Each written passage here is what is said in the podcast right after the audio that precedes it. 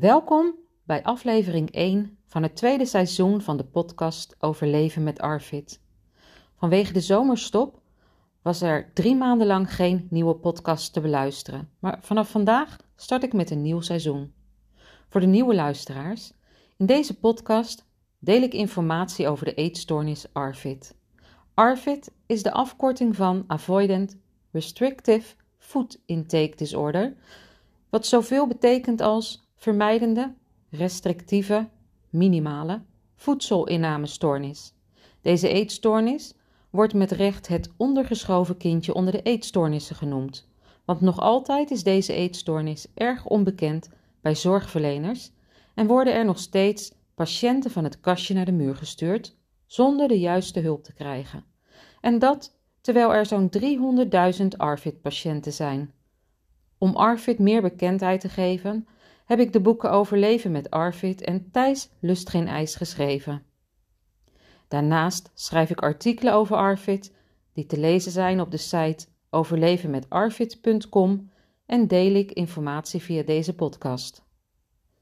Het is mijn gewoonte om tijdens de podcast elke keer een ander hoofdstuk van het boek Overleven met Arvid te behandelen. In dit boek staan namelijk allemaal gesprekken over Arvid gebundeld die ik met zorgverleners op het gebied van kinderen met eetproblemen heb gehad. Daarnaast staan er ervaringsverhalen van patiënten en naasten in. Ik lees elke aflevering een hoofdstuk uit het boek Overleven met Arvid voor en ga daarna opnieuw in gesprek met de hoofdpersoon van het hoofdstuk. Dit keer wil ik hoofdstuk 8 behandelen. In dit hoofdstuk komt Katinka Trouwborst aan het woord. Zij vertelt over haar rol als maatschappelijk werker binnen het multidisciplinair pediatrisch E-team van het Wilhelmina Kinderziekenhuis. Ik lees nu het hoofdstuk voor en boven dat hoofdstuk staat: Katinka Trouwborst is maatschappelijk werker in het Wilhelmina Kinderziekenhuis.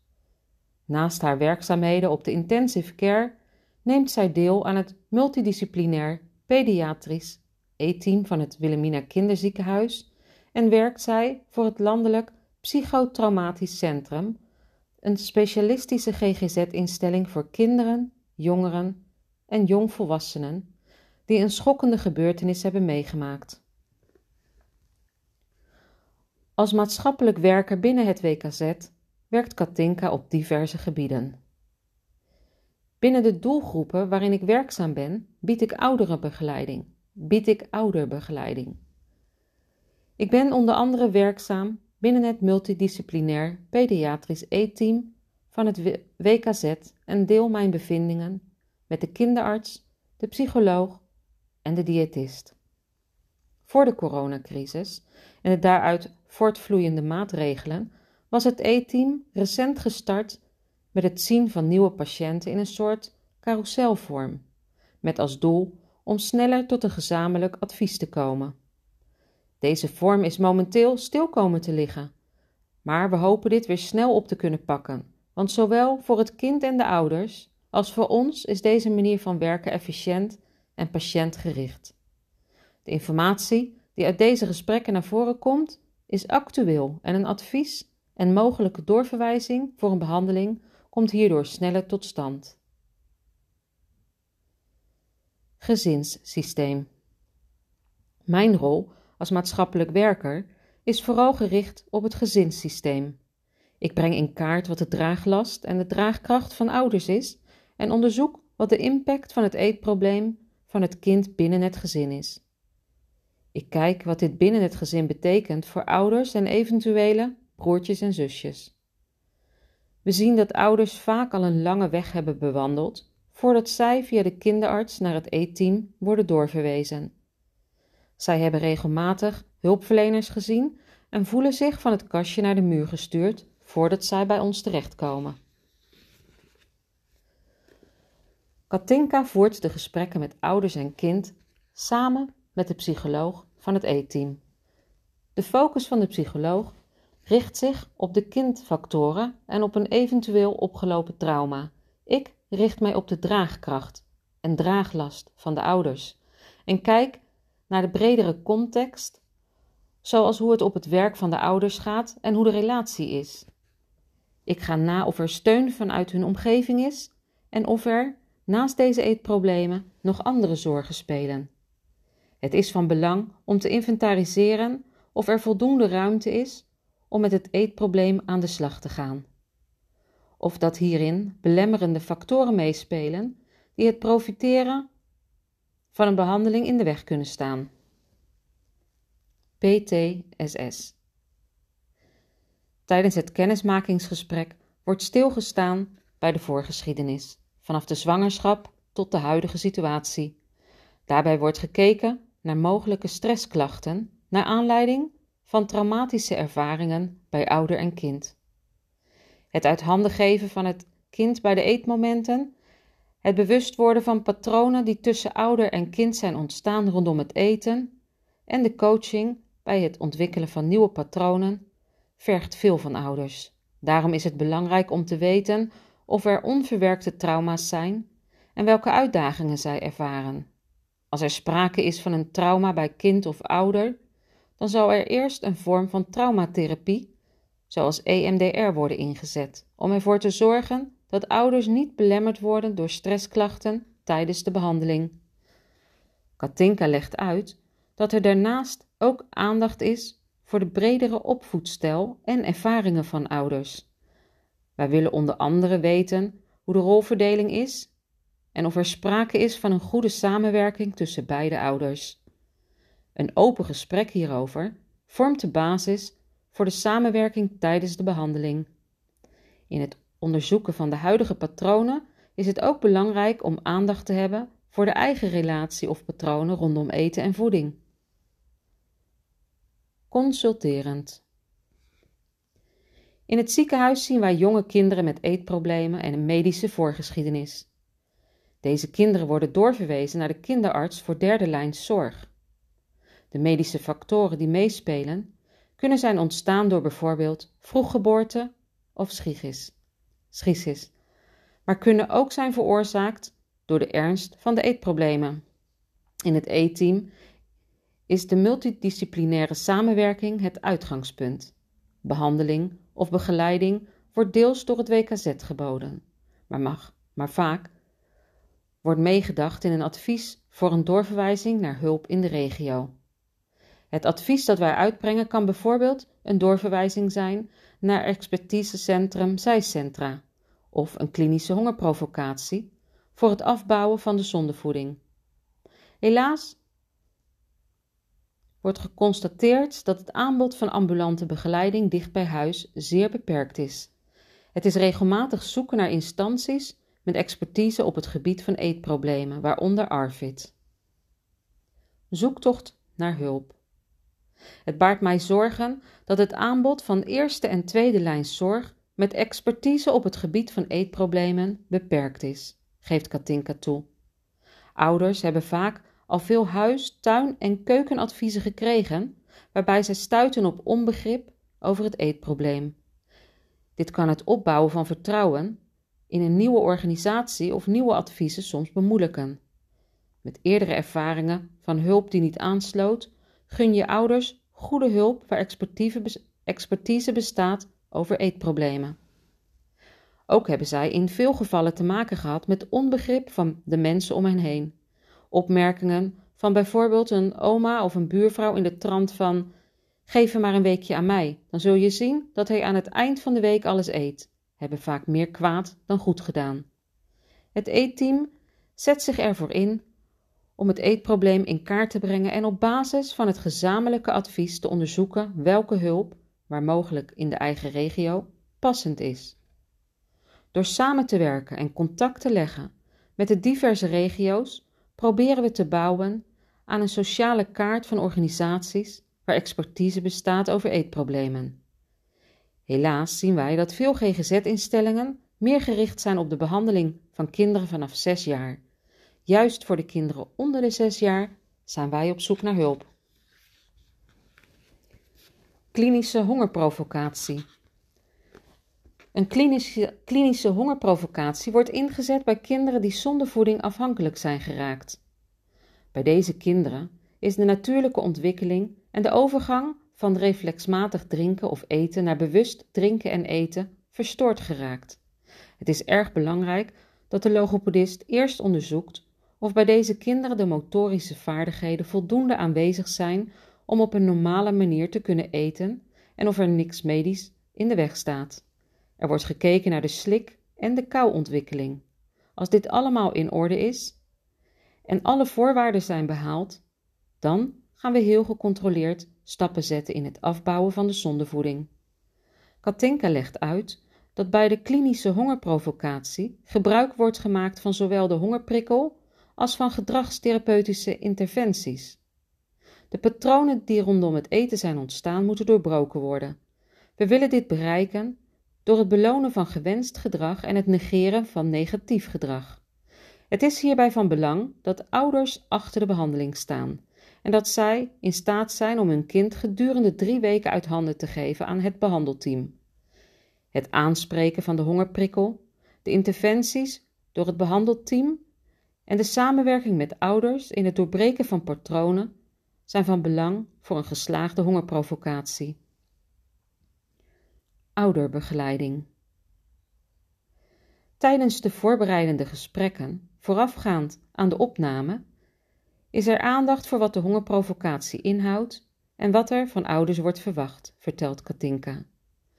Gedurende de hongerprovocatie heb ik aandacht voor wat ouders tegenkomen bij zichzelf, elkaar en het kind, tijdens het stukje zelfreflectie. Aan de hand van observatiemomenten kijken we terug naar de reacties van ouders en kind in bepaalde situaties en coach ik ouders in het zo goed mogelijk opvolgen van de gekregen adviezen. Katinka bespreekt met ouders op welke momenten er beter genegeerd kan worden en welk gedrag juist weer beloond mag worden.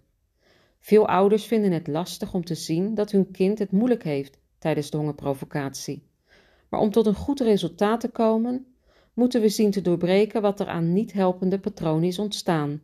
Onbedoeld wordt er vaak meer aandacht gegeven aan negatief gedrag dan aan positief gedrag.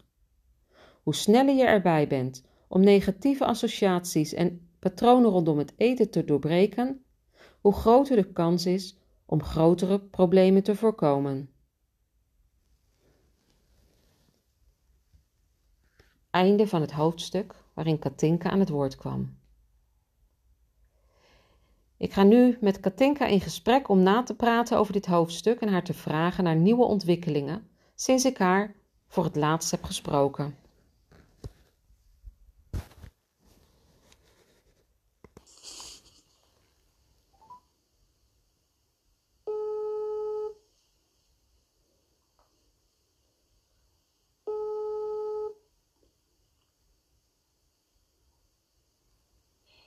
Met Goedemorgen, met Rita. Hoi. Uh, wat, fijn, wat fijn dat je me even te woord wil staan en uh, wat toelichting wil geven op het hoofdstuk wat ik zojuist heb voorgelezen. Nou, Mooi. Dank voor jouw uitnodiging uh, ja. voor de podcast.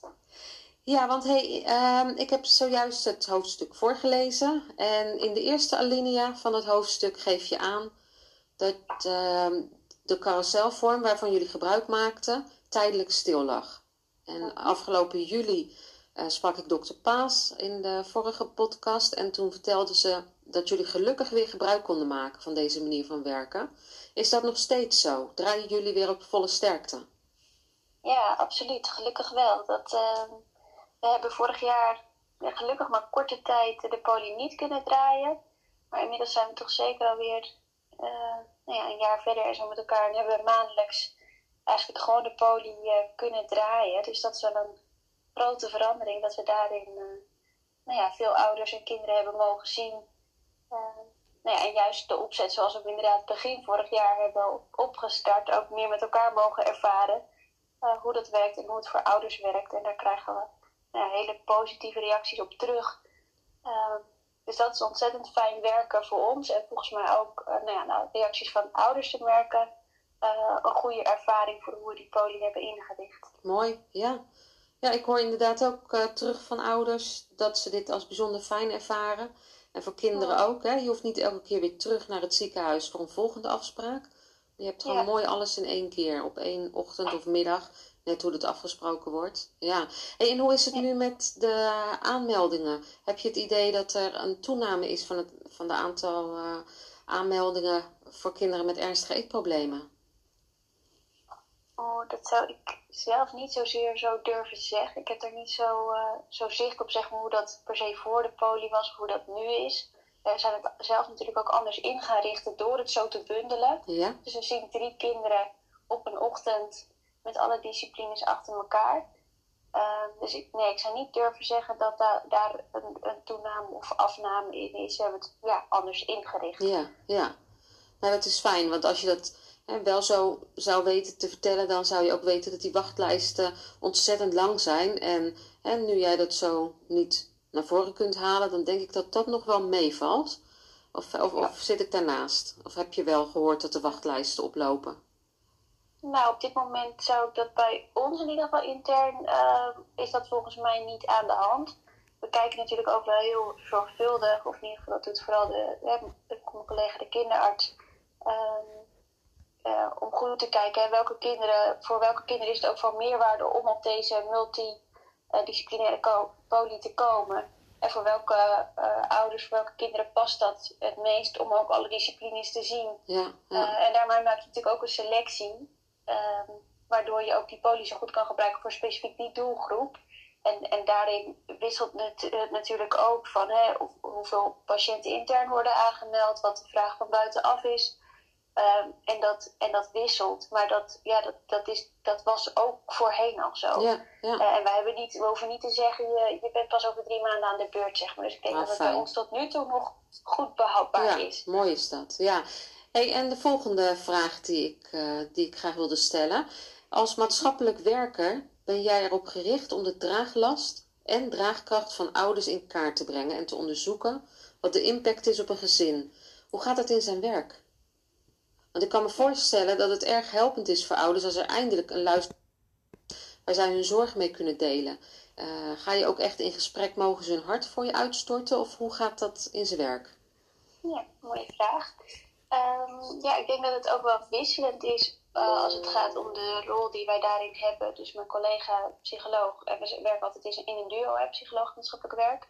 En we hebben dan op zo'n poli hebben een half uur de tijd om eigenlijk uh, ja, een screening te doen. Want daar zoveel tijd heb je. En die screening is vooral erop op gericht van kunnen we als behandelteam kunnen we een advies geven, kunnen we met elkaar tot een advies komen uh, om, om aan deze ouders mee te geven. Uh, dus op het moment dat ik zeg maar meer op de stoel zit van het inventariseren, hè, dan ga je wel alle gebieden langs om te vragen wat speelt er, wat is er aan kindfactoren, wat is er aan gezinsfactoren. En die probeer je in een korte tijd nou ja, een indruk van te krijgen. ja, dan, dan is er ook tijd technisch gezien minder tijd voor het, misschien altijd het gehele verhaal mochten ouders natuurlijk bij ons in behandeling komen, of kinderen natuurlijk eigenlijk in behandeling komen waar de ouderbegeleiding uit volgt, en je hebt meer tijd met elkaar en je gaat de, de begeleiding of de behandeling aan, ja, dan is er natuurlijk meer gelegenheid om die diepte in te gaan en past het ook beter uh, en stem je dat af op het doel van de begeleiding. En dat is natuurlijk anders dan dat je mensen één keer ziet uh, en dat vluchtig is, dan, ja, dan past het ook minder om de diepte in, op, uh, op persoonlijk vlak de diepte in te gaan. En je dat eigenlijk ook dat dat komt op de plek waar de behandeling gaat volgen. Ja. Zodat ze daarmee kunnen delen. En dat is toch echt wel anders dan dat half uur tijd waarin je natuurlijk verbinding maakt en waar je wil snappen waar het om draait en wat Ja, hun ervaringen zijn geweest. Ja. Maar dat is toch wel meer diagnostisch gezien in het komen tot het advies. Uh, en ja, dat is dus, uh, maar dat volgt soms wel op het moment dat je met elkaar die begeleiding ingaat. Ja, ja. Hey, want kun je zeggen welk gevoel je bij ouders tegenkomt? Is dat achterdocht vanwege de lange weg met dichte deuren die ze vaak al hebben bewandeld? Of is het eerder opluchting omdat ze eindelijk ergens zijn beland waar ze wel serieus worden genomen? Uh, ik zou het denk ik vooral uh, willen omschrijven als, als het zoekend zijn. Dat ik dat vooral bemerk.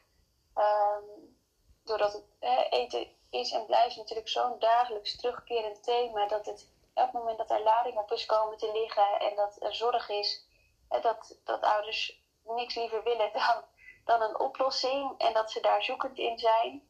Uh, en dan is het denk ik vooral de opluchting op het moment dat we woorden kunnen geven aan hetgeen wat zij vanuit hun ervaring vertellen en wij dan meer vanuit eh, onze ervaring vanuit het ziekenhuis en hoe het kan werken met het ontstaan van voedingsproblemen, maar ook het behandelen ervan.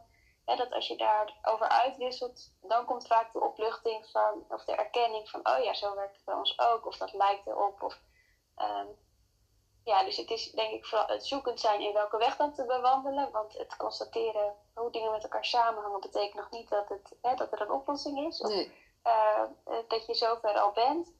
Uh, en, en de opluchting zit denk ik vooral in de, de erkenning en het samen gaan zoeken naar, naar, ja, naar een plek om daar aan te gaan werken. Ja, ja mooi. Ja, kan ik me ook wel voorstellen dat dat zo werkt bij ouders. He, je hebt natuurlijk lang uh, getwijfeld of het aan, je, aan jezelf ligt als ouder. Er zijn veel vragen waar je mee loopt. Uh, je kunt er eigenlijk hè, bij niemand mee terecht, want de mensen om je heen begrijpen vaak niet waar je mee worstelt.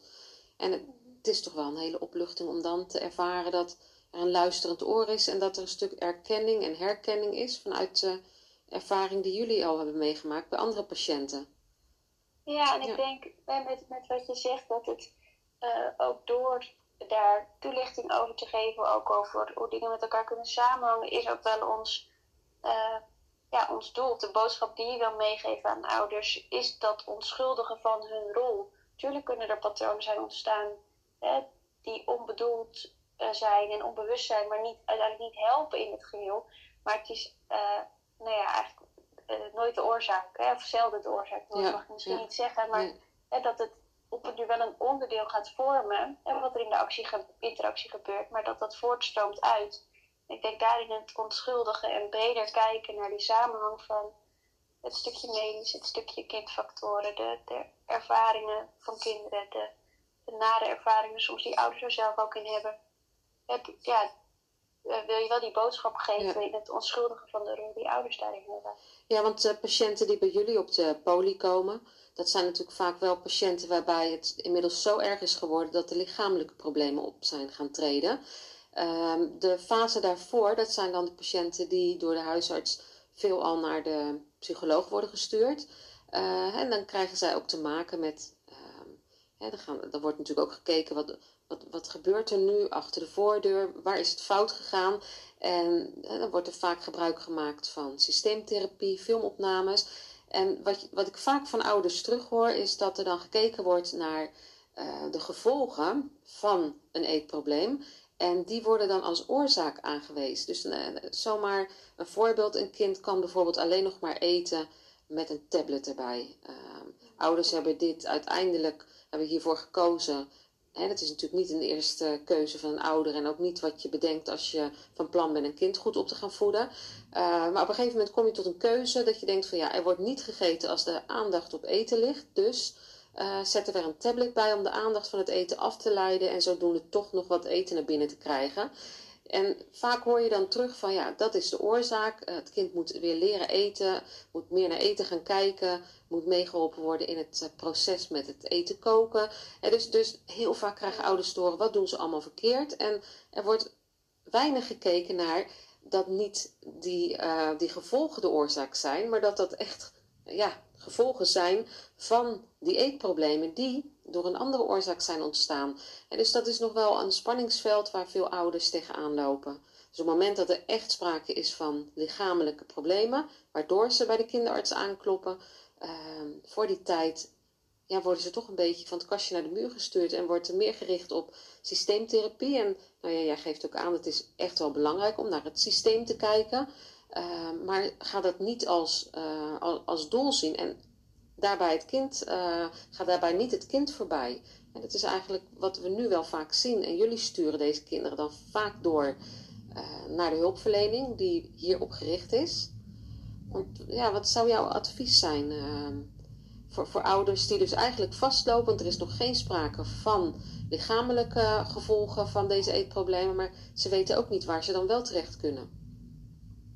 Dus ja, ja, lastige vraag. Wij zien um, deze kinderen natuurlijk in mindere mate als het gaat om de doelgroep die wij bedienen. Dus dat is denk ik hè, een andere fase. Dus zoals je schetst, kan ik me heel goed voorstellen inderdaad dat dit eraan vooraf gaat.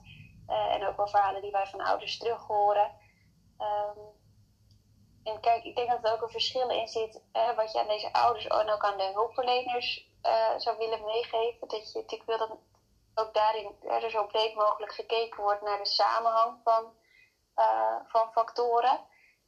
want waarschijnlijk is het bij al deze ouders die weten, die, die weten de adviezen die, die er aan de andere kant worden gegeven. Zeg maar je weet ze wel, hè, maar het doorbreken is een ander verhaal en daar zit meer onder. Dus je zou hopen dat daarin breed gekeken wordt uh, naar het ontstaan ervan en eigenlijk de kwetsbaarheid die eronder ligt. Um, en dat er dan patronen ontstaan die niet wenselijk zijn uh, en niet helpend zijn. Ja, daar, daar hebben wij het ook over met ouders, maar dat zijn uh, eigenlijk altijd conclusies die zij zelf ook al hebben getrokken. Ja, omdat het is niet hoe ze het zelf willen. Dus dat is eigenlijk al een bekende boodschap. Alleen ook in de aanpak daarvan wil je dat het geïntegreerd wordt geboden. En niet alleen maar gaat over die tablet, maar wat maakt dat het nodig is. Ja. Dus ik denk toch dat, uh, als het, uh, je vroeg natuurlijk in eerste instantie om het advies aan ouders, hè, van wat als je dan met deze zorgen uh, loopt, is denk ik toch het kenbaar maken van de zorg die je er mogelijk onder hebt liggen. of of wat je daarin ziet bij je kind. En wat ik daarin, terwijl ik het zeg, ook wel weer realiseer en wat ik ook vaak terughoor, um, is dat het natuurlijk ook ontzettend lastig is dat in de periode dat deze zorgen vaak spelen, hè, je, je uh, altijd het onderscheid hebt tussen de normale ontwikkeling, waarin dat met hobbels kan gaan en het eigenlijk heel normaal is. En dat kinderen bijvoorbeeld een periode minder goed eten, eten selectief eten. Hè, dus waar de hulpverlener mogelijk ook zich richt op het normaliseren en dat eerst eens proberen. Ja. om te kijken of dat behulpzaam is. Um, en waar je, en de categorie zeg maar van, hé, hey, maar we gaan, het gaat verder dan hè, die leeftijdsfase waar het uit voortkomt. En het blijft zo en de, de zorg is, is groter. Ja, ik denk dat het ook best wel heel moeilijk is om in die eerste lijn van de zorg uh, zeg maar te differentiëren voordat je weet. Ja, terugwerkende kracht is dat altijd natuurlijk gemakkelijker te zeggen van. Uh, als wij een, een, levensloop terughalen, zeg maar, van de eerste twee jaar bijvoorbeeld, ja, dan, dan zie je, het is niet voorbij gegaan. Maar op het moment dat je precies in die leeftijdsfase zit, uh, ja, dan, dan, dan heb je eigenlijk ook die, wil je ook dat dat normale, hoe zeg je dat, het stukje over de normale ontwikkeling en dat advies ook besproken wordt hoe het erbij kan passen. Maar dat als het niet overgaat, dat er dan wel goed samengekeken wordt. Hey, wie hebben we er dan voor nodig? Ja, en wat als ja. dan zo'n opvoedondersteuning niet helpt, moet, wie moeten we daarbij hebben om het scherper te kunnen gaan zien? Ja, ja maar ik kan me inderdaad. Ja, het is natuurlijk heel lastig om dat onderscheid te maken. Hè? Wanneer heb je het nu over de, de picky eating fase, die elk kind tussen twee en vier jaar zo'n beetje uh, heeft? En wanneer heb je het nou over echt, echte eetproblemen? En dat zie ik op dit moment ook veel gebeuren. Mensen horen nu in de media veel over ARFID. Uh, zijn gewoon heel veel ouders die nu denken, ja, daar heeft mijn kind ook mee te maken. En uh, ja, het is ook heel lastig, ook voor huisartsen, om nou te weten van wanneer heb je het nu over ARFID en wanneer heb je het over een tijdelijke fase. Wanneer is het tijd om aan de bel te trekken en wanneer niet. Ik denk dat dat ook wel een stukje voorlichting nog uh, behoeft. Uh, want, want dat blijft gewoon heel lastig om daar een onderscheid tussen te maken. Ja, je, je, je, hebt natuurlijk te maken met uh, lichamelijke problemen of psychosociale problemen. En, en, en dan spreek je pas over ARFID. Maar ja, dat is ook voor, voor elke patiënt weer anders. Want voor het ene patiënt zou daar wel psychische problemen of sociale problemen door krijgen. En de andere patiënt natuurlijk niet. Ja, dus dat zijn allemaal van die lastige vragen uh, waar nog antwoorden op uh, zullen moeten komen. Waar natuurlijk nog veel onderzoek naar gedaan wordt. Ja, hey, en, wat, en wat ik Oh. Ja? Nee, zeg maar, sorry. Wat ik daar misschien nog vanuit onze ervaring in ieder geval uh, um, over kan zeggen is... Kijk, je hoopt natuurlijk dat het in eerste instantie breed in kaart wordt gebracht... zodat je weet hè, welke richting moet je, dat, moet je je advies op baseren. Dus dat, je, hè, dat breed in kaart brengen, dat dat zo belangrijk is. En wat staat er dan ook op de voorgrond? Is dat hè, nog de mondmotorische vaardigheden waar eerst de logopedie aan de beurt is? Of is dat toch vooral het stukje interactie. En dan betekent het echt niet dat iedereen ook in de eerste lijn opeens een ARFID-expertise eh, hoeft te hebben, maar weet hebben van, van het fenomeen, van hoe het in elkaar kan zitten, uh, zodat iemand eigenlijk op zijn stukje expertise weer uh, zijn ding kan doen.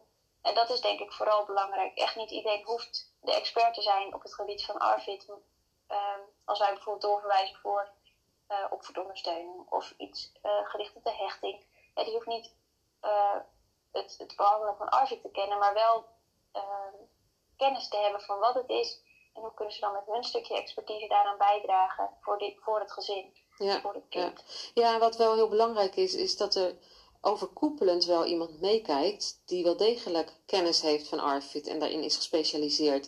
En want dat hoor ik wel telkens terug van uh, de echte ARFID-specialisten, uh, om ze zo maar even te omschrijven. Mhm. Dat het wel heel belangrijk is en wel een stukje extra kennis nodig heeft om ARFID ook daadwerkelijk te kunnen behandelen. Ja, ja dat, dat is denk ik ook uh, absoluut zo. Eh, wat ik daar alleen mee wil, wilde zeggen is van.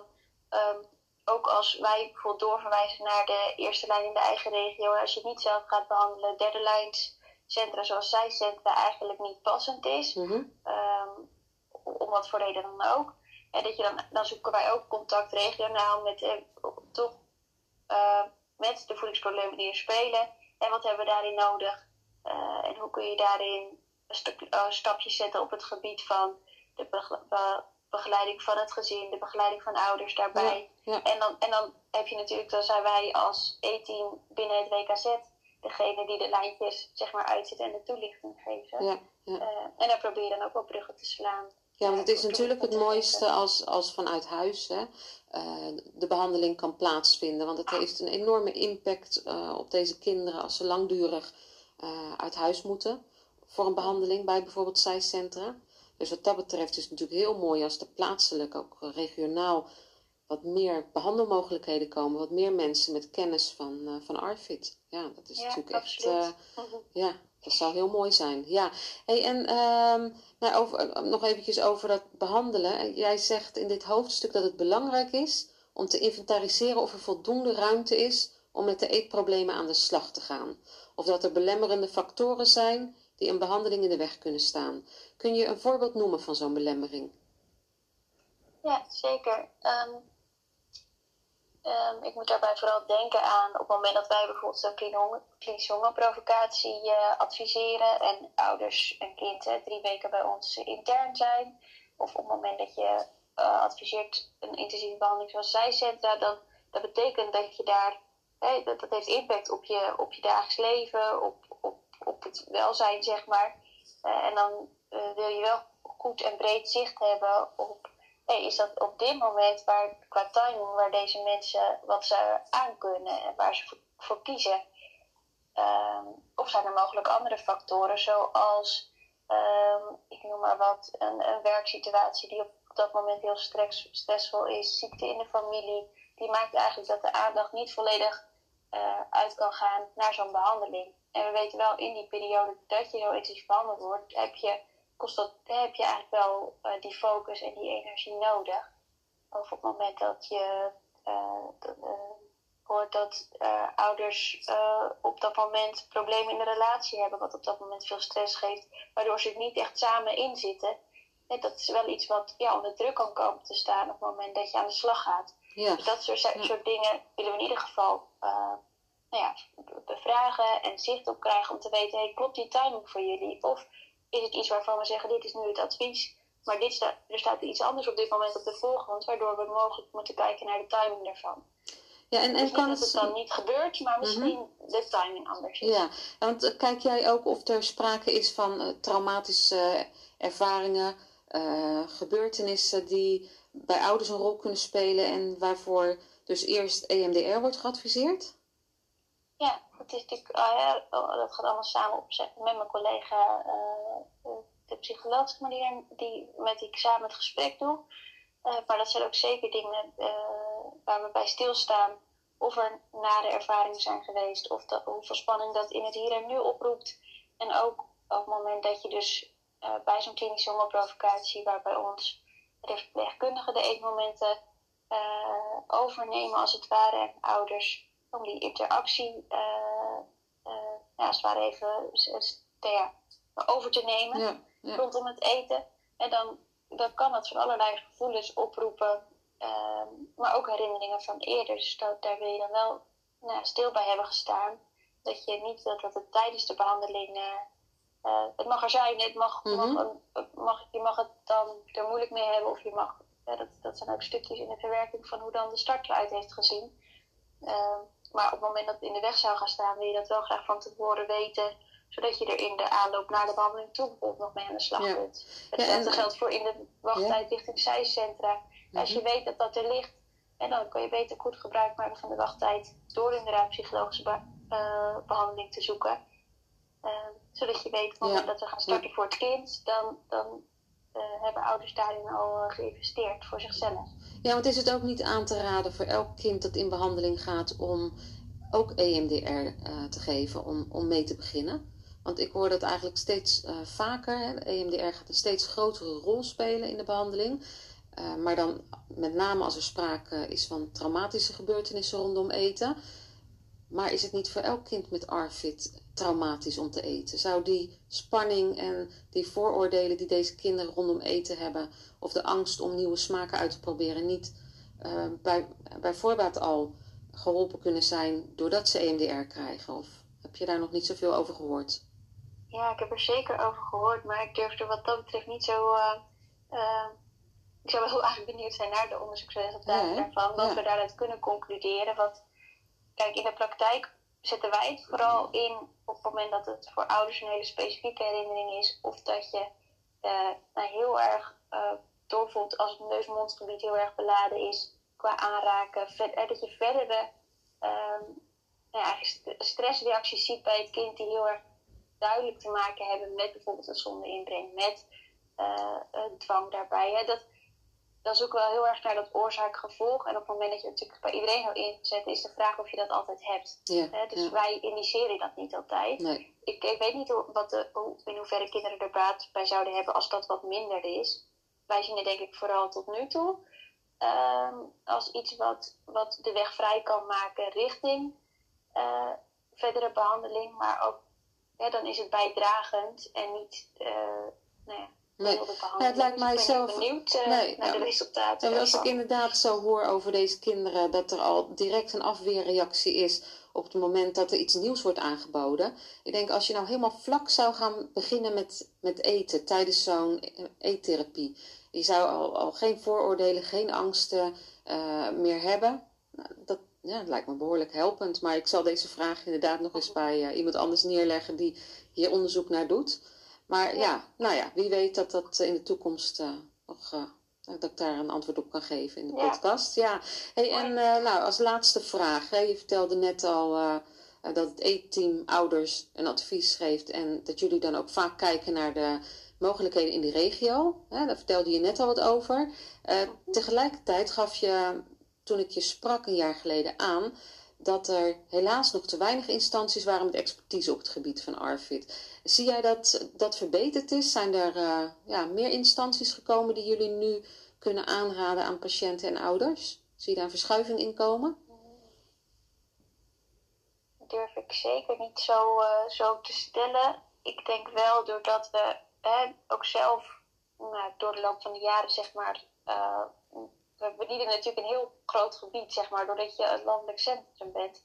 En dat je ehm, daarmee wel door de ervaringen heen eh, ja, goede contacten legt. En opeens ontdekt, als bij ons opeens iemand uh, bij spreken uit Friesland, en ik leg daar contact met uh, wat de mogelijkheden zijn regionaal. Kijk, dat, dat is niet iets wat wij standaard hebben liggen van hé, hey, dan moet je daar zijn. En dat proberen we natuurlijk wel op te bouwen door, dat, door die goede ervaringen die we opdoen met organisaties. En die te bundelen, zodat we daar die sociale kaart zelf ook wat scherper uh, voor onszelf hebben om naar te kunnen doorverwijzen en die goede ervaringen te bundelen. Dus of, het, ja. of dat meer is, dat zou weet ik uh, kijk jij, zeggen. Maar, ja, want kijk ja. jij daarvoor ook op de kaart van Kate, die ze nu hebben opgesteld? Daar konden alle zorgverlenende instanties met kennis van eetproblematiek zich aanmelden. En dan kon je ook vermelden of je specifiek aandacht schonk aan ARFID. He, er is zo'n kaart die nu uh, ja, wordt opgesteld in opdracht van, uh, van het ministerie. En ik denk van, heb je daar wat over gehoord? Of hebben jullie je naam daar zelf ook op gezet?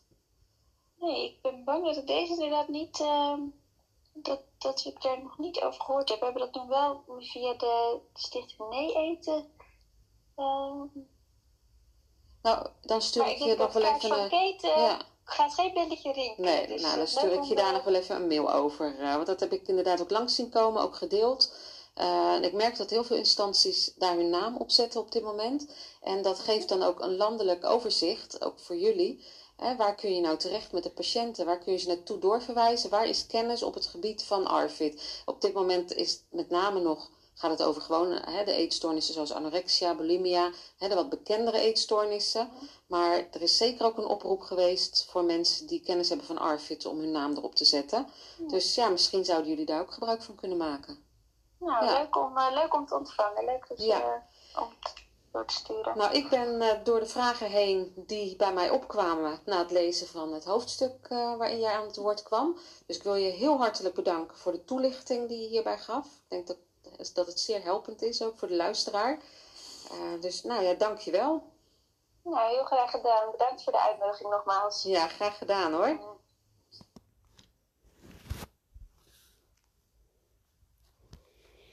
Ja, nadat ik in gesprek ben geweest met Katinka, ben ik op zoek gegaan naar de exacte informatie over een landelijk netwerk van zorgaanbieders.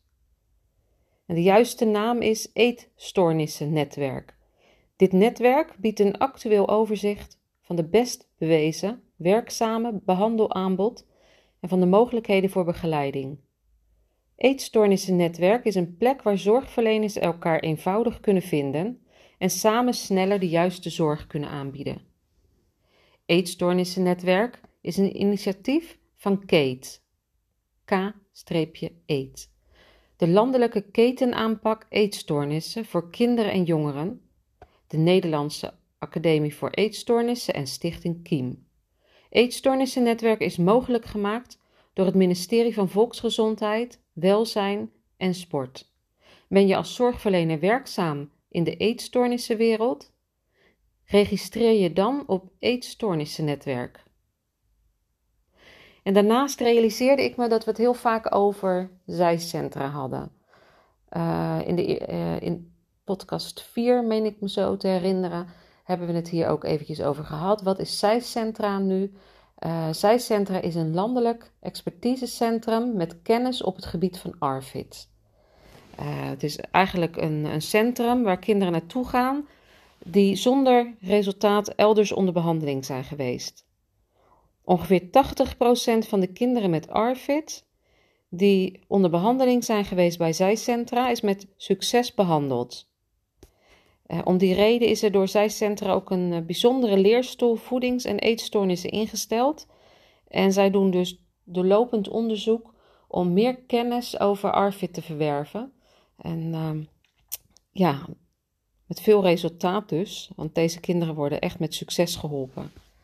Als er nog meer vragen zijn hè, over zijcentra of hoe je daar ehm, je kind aan kunt melden, dat kun je allemaal vinden op de website van zijcentra. Dus dat is makkelijk te vinden als je dat intikt in, uh, op Google. Dan is er nu een einde gekomen aan deze podcast. Als er vragen zijn, dan kunnen jullie deze mailen naar overleven met Arvid solcon.nl. Je kunt je vragen ook stellen in de besloten Facebookgroep van Overleven met Arvid. In deze groep zitten zorgprofessionals op het gebied van Arvid, ouders van kinderen met ARFID, pubers en volwassenen met ARFID. Er zijn veel ouders op zoek naar ARFID-deskundigen en in deze groep kun je onder andere vragen welke zorgverlener met kennis van ARFID er in welke regio werkzaam is. En ook kun je als ouder meelezen met de vragen die er kunnen spelen, de zorgen die er spelen als je een kind met ARFID hebt. En ook voor volwassenen en pubers is er genoeg te lezen en hoor ik ook dat deze mensen zich na het lezen van deze ervaringsverhalen ook wat minder eenzaam voelen. Tot slot wil ik iedereen die privé, als leerkracht op school of als zorgverlener te maken heeft met kinderen met ernstige eetproblemen en meer te weten willen komen over ARFID, nogmaals aanraden om het boek Overleven met ARFID te lezen. In dit boek ga ik in gesprek met 26 zorgprofessionals op het gebied van ARFID en daarnaast heb ik 26 gesprekken met ouders van pubers en volwassenen met ARFID. Wil je daarnaast aan het kind met ARFID uitleggen wat ARFID is? Dan zou je het boek Thijs lust geen ijs kunnen kopen of bestellen bij de bibliotheek, want daar ligt hij inmiddels ook. En deze twee boeken zijn bij elke Nederlandse boekhandel en bij de bibliotheek dus verkrijgbaar. In de volgende podcast spreek ik moeder Joyce. Zij vertelde dat haar dochter Evie spontaan weer begon te eten nadat zij een rondleiding kreeg in zijcentra, waar zij opgenomen zou worden.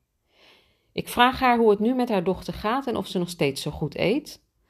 En ik zal jullie meenemen in het proces hoe het kan dat een kind dat ARFID heeft, uh, opeens wel weer spontaan gaat eten. Het gebeurt helaas zelden, maar dit is een heel mooi verhaal om, uh, om eens te horen.